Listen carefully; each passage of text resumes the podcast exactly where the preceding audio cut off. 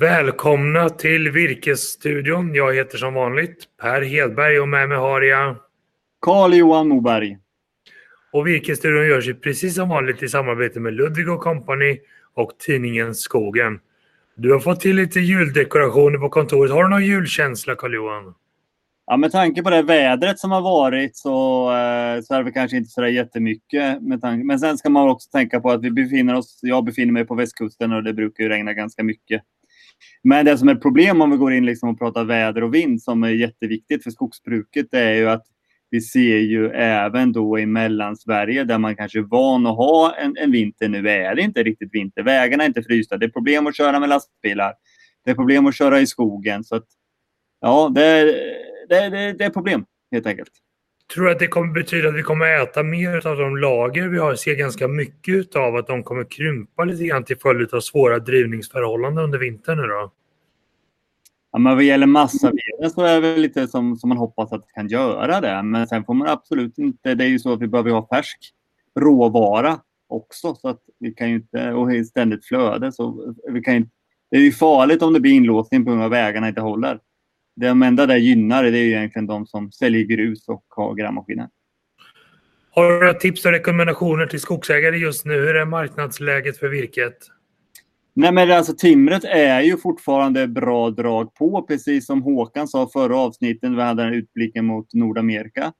Eh, bra drag på timret. Eh, massaveden är tjockt. Brännveden är väl än värre. Däremot så bör man liksom, har vi hört och sett liksom att de här bruken då som, som gör rätt vara av massaveden, där, där är det ett bra, hyfsat bra flöde. Så där är det några som säger att även eh, virket, massaveden på gallringar försvinner ganska fort från bilväg. Och jag tycker det är precis det vi hör också att runt vissa bruk, massabruk, så är det fortfarande väldigt drag på massaveden och ganska bra priser också. Ja men så är det, så är det. Och, och, och, som alltid så ska man ju vara lite om och kring sig när man gör affärer och kolla vad, vem det är som erbjuder bäst villkor just nu. Så är det, så att konkurrensutsätt alltid virket oavsett om det är gallringar eller slutavverkningar. Det får bli vårt tips inför julen. Vad önskar du dig mest av allt nu då inför kommande år och för julledigheten? Ja, men jag tror ju, eller jag önskar mig liksom ja, men det, all, det, det stora är att allt ska bli normalt igen i vårt samhälle. Eh, så.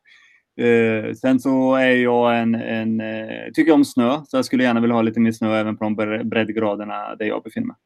En som önskar sig mindre granbarkborre nästa år, det är Herman Sundqvist på Skogsstyrelsen. Men först ska vi se vad Bengt Ek säger om nästa nummer av tidningen Skogen. Över till honom. Hallå Bengt, hur mår du? Jo tack, jag mår alldeles utmärkt tack. Du Bengt, när vi ändå pratar om året, hur kommer du minnas skogsåret 2020 tror du? Ja, alltså barkborren ligger ju förstås eh, högt eh, så lite annus horribilis är det ju eh, där. Inte så lite heller kanske. Och sen har det ju varit ett, ett har vi gått i väntans tider på den skogspolitiska utredningen. Och nu får vi se vart det tar vägen. Det blir verkligen spännande. Ehm, på skötselsidan så tycker jag att man man har sett lite extra mycket från det här liksom, intresset för andra sätt att sköta skogen och varierade sätt att sköta skogen. Det tycker jag är lite en spännande utveckling. Men om vi blickar framåt Bengt, vad tror du, vad ser vi framför oss nu då 2021? Vi får väl hoppas att det blir ett bättre år än 2020 åtminstone. Ja, det får vi göra i, i hela samhället med coronan förstås och sånt där men, men även i skogen och, och återigen liksom vart tar det vägen med, med, med barkborrarna och vart tar det vägen med skogspolitiken.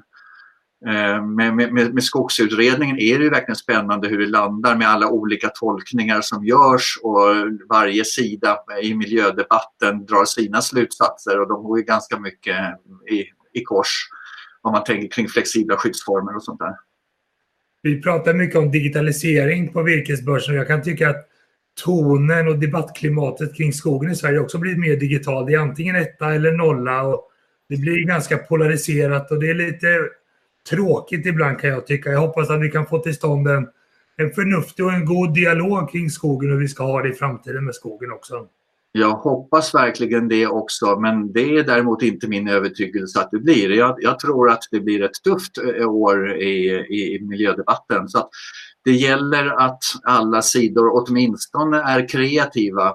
Talar gärna med varandra i ett bra klimat men också att man är kreativ när det gäller att hitta lösningar. Precis som utredningen pekar på att det behövs nya vägar. Du, ni släpper ett nytt nummer av tidningen Skogen. Kan du inte berätta kort, vad, vad kan vi läsa om i det här numret? Ja, vi är ju, vi är ju inne på förstås eh, det här med nyckelbiotoper och utredningen och sånt där. Och på, på nyhetssidorna så är det klart att det kommer med att kammarrätten eh, nu har, har kommit fram till att registrering av nyckelbiotoper eh, inte kan överklagas. Eh, så det gör det ju extra spännande att se vart nyckelbiotoperna tar vägen. Men sen är vi mycket överhuvudtaget, vi har ju temat skyddad skog den här gången just för att det är så spännande med, det händer, så, det händer mycket, det behöver hända mycket. Ehm, man kommer i nya situationer, till exempel skriver vi om en, en skogsägare som brukar skog inne i ett reservat. Och det är ju inte så lätt att kommunicera med, med omvärlden att jo, ehm, det står i reservatsbestämmelserna att på det här området får jag göra ett hygge. Och det visar ju lite grann den här, liksom, på något sätt att eh, det spetsas till. Man måste hitta nya lösningar men alla måste vara med på det. Hon säger det att ja, miljörörelsen är ju på mig som en hök. Jag följer de här lite konstiga bestämmelserna eh, men, men man är på mig väldigt, väldigt mycket. Jag tror vi kommer prata mycket om skyddad skog och jag har haft förmånen att få läsa lite grann i tidningen Skog. Jag tycker det är jätteintressant med skyddad skog och det är en stor bit av det här med ersättningsfrågan kring skyddad skog. Så för att reda lite grann i det här så tog jag en pratstund med Herman Sundqvist som är generaldirektör på Skogsstyrelsen. Vi tar och tittar på det här. Då säger jag välkommen till Herman Sundqvist i Virkesstudion. Varmt välkommen hit. Kan inte du presentera dig själv lite kort och Skogsstyrelsen? Mm. Eh, hej då! Eh, jag heter Herman Sundqvist, är generaldirektör på Skogsstyrelsen, har varit det sedan 2016. Och Skogsstyrelsen det är ju myndigheten för skogsfrågor i Sverige och vårt uppdrag, precis som alla andra myndigheters, det är att föra ut och förverkliga eh, riksdagens och framförallt regeringens skogspolitik. Skogsstyrelsen är ju så mycket mer än bara avverkningsanmälningar och skyddad skog. Vilka, I vilka frågor tycker du som man som skogsägare kan vända sig till Skogsstyrelsen? För ni har en enorm kunskapsbank att utnyttja och lära sig ur. Mm. Det är sant och eh, som jag sa så vi, vi ska föra ut och förverkliga eh, skogspolitiken och det gör vi ju på olika sätt. Dels genom att utöva tillsyn, vi är en tillsynsmyndighet, men vi ägnar oss ju väldigt mycket åt rådgivning också. Och rådgivningen har ju ändrat karaktär. Eh, det är ju ganska ovanligt att det är person till person möten med skogsägare nu som det kanske var för 20 30-40 år sedan. Utan nu sker ju mycket av det här digitalt på olika sätt. Eh, jag vill rekommendera eh, det som heter Mina sidor som jag utgår från att de som lyssnar på det här och är skogsägare antingen använder eller skyndar sig att börja använda. Och man kan också, apropå rådgivning och kunskapsförmedling, med fördel titta om man är intresserad av skogsskötsel, som jag förstår att många lyssnare här är, på Skogsstyrelsens skogsskötselserie som är ju en, egentligen en gigantisk lärobok. Och vi på Virkesbörsen vi nyttjar ju frekvent Skogsstyrelsens kartmaterial och datamaterial mm. för att stötta skogsägare på olika sätt. Så jag kan verkligen rekommendera markägare att gå in och bekanta sig med alla de tjänster som finns där för det, det är en mm kunskapskälla att ösa ur. Ja, på, på mina sidor så får man ju fantastisk information om ur ett rent skogsskötselperspektiv och skogsbruksplaneringsperspektiv eh, om sitt eget innehav med virkesförråd och, och grundyta och bärighetsfrågor och eh, trädhöjder och allt vad det kan vara. Va? Så att det där är, det är lätt att drunkna där. Det passar bra inför jul helgerna här om man har tråkigt och ska vara isolerad. Då kan man snöa in på mina sidor i, i dagar, tro mig. Hur kommer du minnas skogsåret 2020? Men det, blev, det blev ett år som inte blev som någon hade kunnat tänka sig. Men hur kommer du minnas det i backspegeln tror du? Ja, det är en intressant fråga. Jag tror att Alltså skogsåret, jag tror att alla år kommer att för, alla begrepp som året, det och det kommer att förblekna i år kopplat till pandemin. Man kommer, ja. Allting annat kommer att försvinna men om man då ändå försöker tänka på, på skogsåret eh, så är det ju naturligtvis granbarkborrehärjningarna som vi ju jobbar och kommer att fortsätta jobba väldigt intensivt med. Eh, sen så hoppas jag att 2020 kommer att gå till den skogliga historien också som året som ett sånt här äh, år när det hände saker i skogspolitiken. Eh, jag tänker på den nyligen levererade skogsutredningen då som ju på, eh, som jag tycker på ett, eh, ja det är en gedigen utredning som adresserar flera utav de riktigt stora skogspolitiska frågorna i Sverige och att den här skogsutredningen blir ett avstamp för att politiken faktiskt ja, tar hand om de här frågorna och att det blir en förändring. Att, det, att eh, vi kommer vidare på många av de områdena som är mest laddade. Jag hoppas att det går till historien på det sättet också. Om vi blickar framåt 2021, vad, vad kommer ni lägga ert fokus och extra krut på det kommande året? Eh, det kommer ju vara man kan svara på lite olika perspektiv där. Alltså, men det som är omedelbara väldigt intensiva frågor nu det är ju fortsatt granbarkborreproblematiken. Eh, det är fjällnära skogfrågan som ju har otroligt stor påverkan på hela myndigheten. Eh, det är det uppseglande hotet kring eh, eh multiskador på ungskogar i framförallt norra Sverige då. Eh, men sen har vi det mer långsiktiga som kopplar till eh, vårt uppdrag att föra ut och förverkliga politiken då som vi har liksom adresserat i vår verksamhetsstrategi. Och då är det sådana saker som, som eh, begränsar skador som jag var inne på. Men det är också variationsrika skogar, det är skogar som, som växer bättre, det handlar om en, en utvecklad och förbättrad naturvård och det är Eh, inte minst skötsel utav naturvärden och, ja, och arbeta vidare med, med hela paletten i skogspolitiken, att göra skogarna attraktivare för upplevelser och, och allting. Alltså skogspolitiken, de jämställda målen, det är den skogspolitiken som gäller och det är ju vårt uppdrag att föra ut det. Är du orolig för att pandemin drar mycket resurser från samhället och skattekistan och att det kan krympa anslagen till Skogsstyrelsen framöver? Eh, nej, det är jag faktiskt inte. Skogens roll i, i utvecklingen mot, eller för, för en hållbar utveckling blir ju tydligare och tydligare. Eh, på det sättet så är ju skogen i, i ropet. Sen vad det ekonomiskt betyder, det här med med, med statsbudgetar och ekonomiska medel, det har ju blivit, det har ju som blivit andra måttstockar under det här året. Jag hör, såg på tv igår kväll, vad heter det, Ekonomibyrån eller någonting i, sent i SVT 2 där de beskrev här att i början av pandemin så diskuterades det om det skulle bli ett paket, åtgärdspaket på 30 miljarder och att det skulle i så fall antagligen vara för lite och sen blev det flera hundra miljarder. Ja. Så det är som en helt ny norm nu på något sätt. Så jag, jag vet inte, jag, jag lika lite som någon annan, hur det här kommer att utvecklas framgent. Men jag känner mig helt övertygad om att skogen kommer att fortsätta att vara väldigt betydelsefull och väldigt viktig.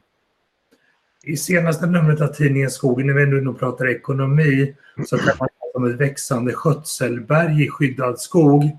Där att om vi inte gör skötselinsatser så riskerar biologiska värden att gå förlorade i ganska stora arealer skyddad skog.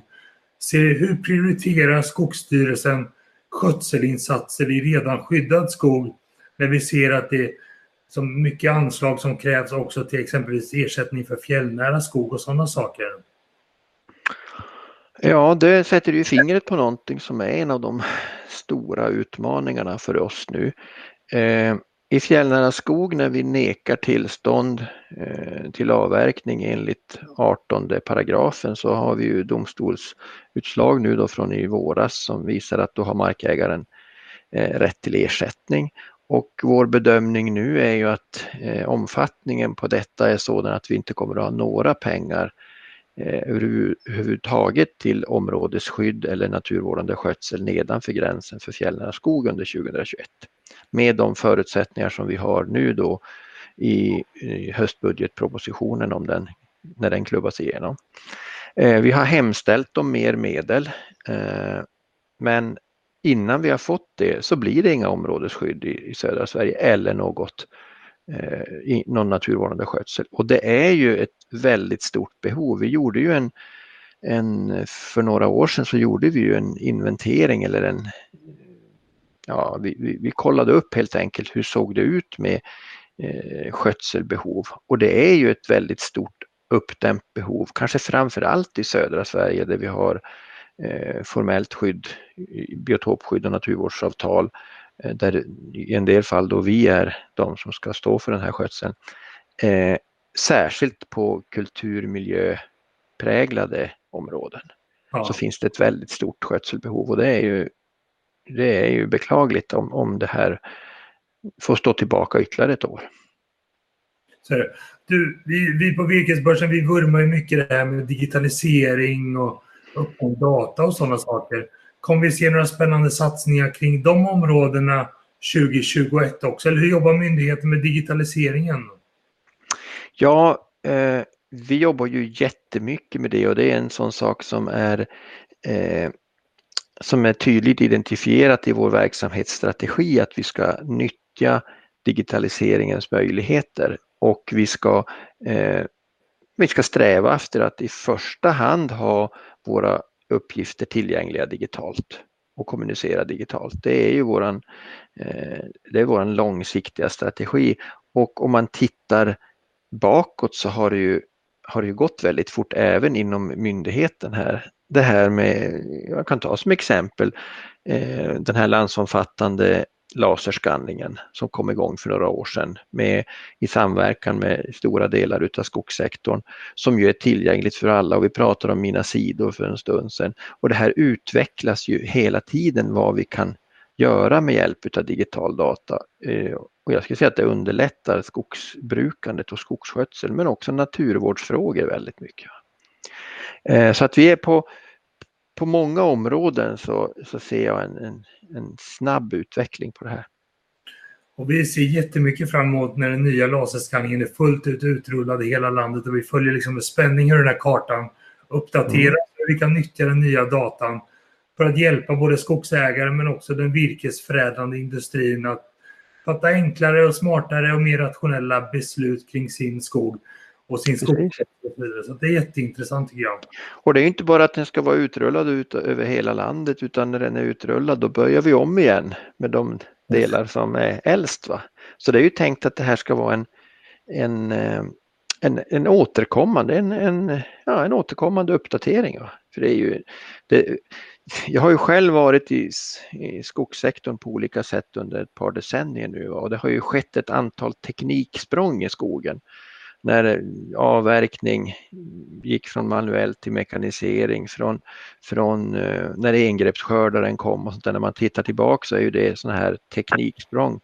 Och det här är vi ju mitt inne i ett stort tekniksprång fast på lite, av lite annan karaktär än tidigare. Ja, och jag håller helt med. Jag kan ibland tänka att digitaliseringen det är liksom nutidens motorsåg på något sätt. Det kommer verkligen revolutionera och förändra hur vi driver skogsbruk och fatta beslut kring skogen och så vidare. Så det är mm, absolut. Absolut. Herman, jag tänker inte bli långrandig kring det här. Jag är jätteglad att du var med i Virkesstudion. Jag önskar dig en riktigt god jul och hoppas att du får lite ledig också. Ja, och det är detsamma och till alla lyssnare detsamma. Och passa på att gå ut och titta på eran skog, ni som har sån nu. Det är alltid nyttigt att vara ute i skogen. Ett väldigt bra tips. Tack snälla. Mm. Mm, tack så mycket. Så säger Herman på Skogsstyrelsen. Det här är jätteintressant. Vad önskar du dig mest av allt nu då, Bengt, kring jul? Ja, alltså inför, inför det nya året så, så önskar jag mig ju, ju, verkligen att, att vi får ordning på, på skogsbruket. Men lite speciellt hoppas jag på priser som stiger eh, och i så fall att eh, alla tar vara på de möjligheterna. Eh, återigen till tidningen så där vår marknadsexpert Birgitta Sennedal hon trycker ju extra på att håll koll på premier och tillägg nu när priserna går upp och ta in anbud. Så det hoppas jag på utöver granbarrsdoften. Jag brukar stoppa in en grankvist i elden och sen gå runt med den i rummet enligt gammal tysk tradition för dofternas skull. Bra. Med det tycker jag att vi önskar varandra en god jul Bengt så ses vi på andra sidan årsskiftet. Ha det så gott och god jul! God jul! Både till dig och tittarna. Ja. Vad tar du med dig från din sittning med Herman Per? Nej, men jag tycker att det som Herman trycker på det här med att hålla sig uppdaterad och använda Skogsstyrelsen som en kunskapsbas är väldigt viktigt tycker jag. För går man in på skogsstyrelsen.se så finns det ju alltså nästan oändligt med kartmaterial, information, stöd och så vidare till skogsägare. Så att Skogsstyrelsen för mig är så mycket mer än bara avverkningsanmälningar och hotet om skyddad skog får man väl nästan säga. För det är så vi har pratat om dem i år åtminstone. Ja, men alla gånger. Man ska, man ska se till att nyttja den här resursen som finns hos Skogsstyrelsen. Och även ta, alltså prata med deras eh, skogskonsulenter. De är ju väldigt kunniga. Så är det. Nyttja de här. De är en myndighet. De finns ju till för skogsägarna. Så att nyttja dem till ditt skogsbruk också. Exakt. Men du Per, det här är ju inte det sista avsnittet vi sänder eller släpper i år. Va? Det här blir ju bara det sista innan jul. Men eh, vi kan väl utlova ett, en virkesstudio till innan 2020 stängs. Det blir ingen uppesittarkväll den 23, men vi ska försöka summera året lite grann i mellandagarna åtminstone. På något kort och effektivt sätt om det nu går. Det har ju hänt jättemycket i år. Väldigt händelserikt år eh, i hela världen, men även inom våran lilla skogsmarknad eller skogsindustrisfär. Eh, så det ska bli roligt att göra en liten sammanfattning. Jag önskar dig en jättegod jul Carl-Johan så hörs vi efter julen och så summerar vi det här året i nästa avsnitt. Ja men det gör vi och god jul till er alla som tittar på Virkesstudion. Verkligen, ha det gott, hej hej!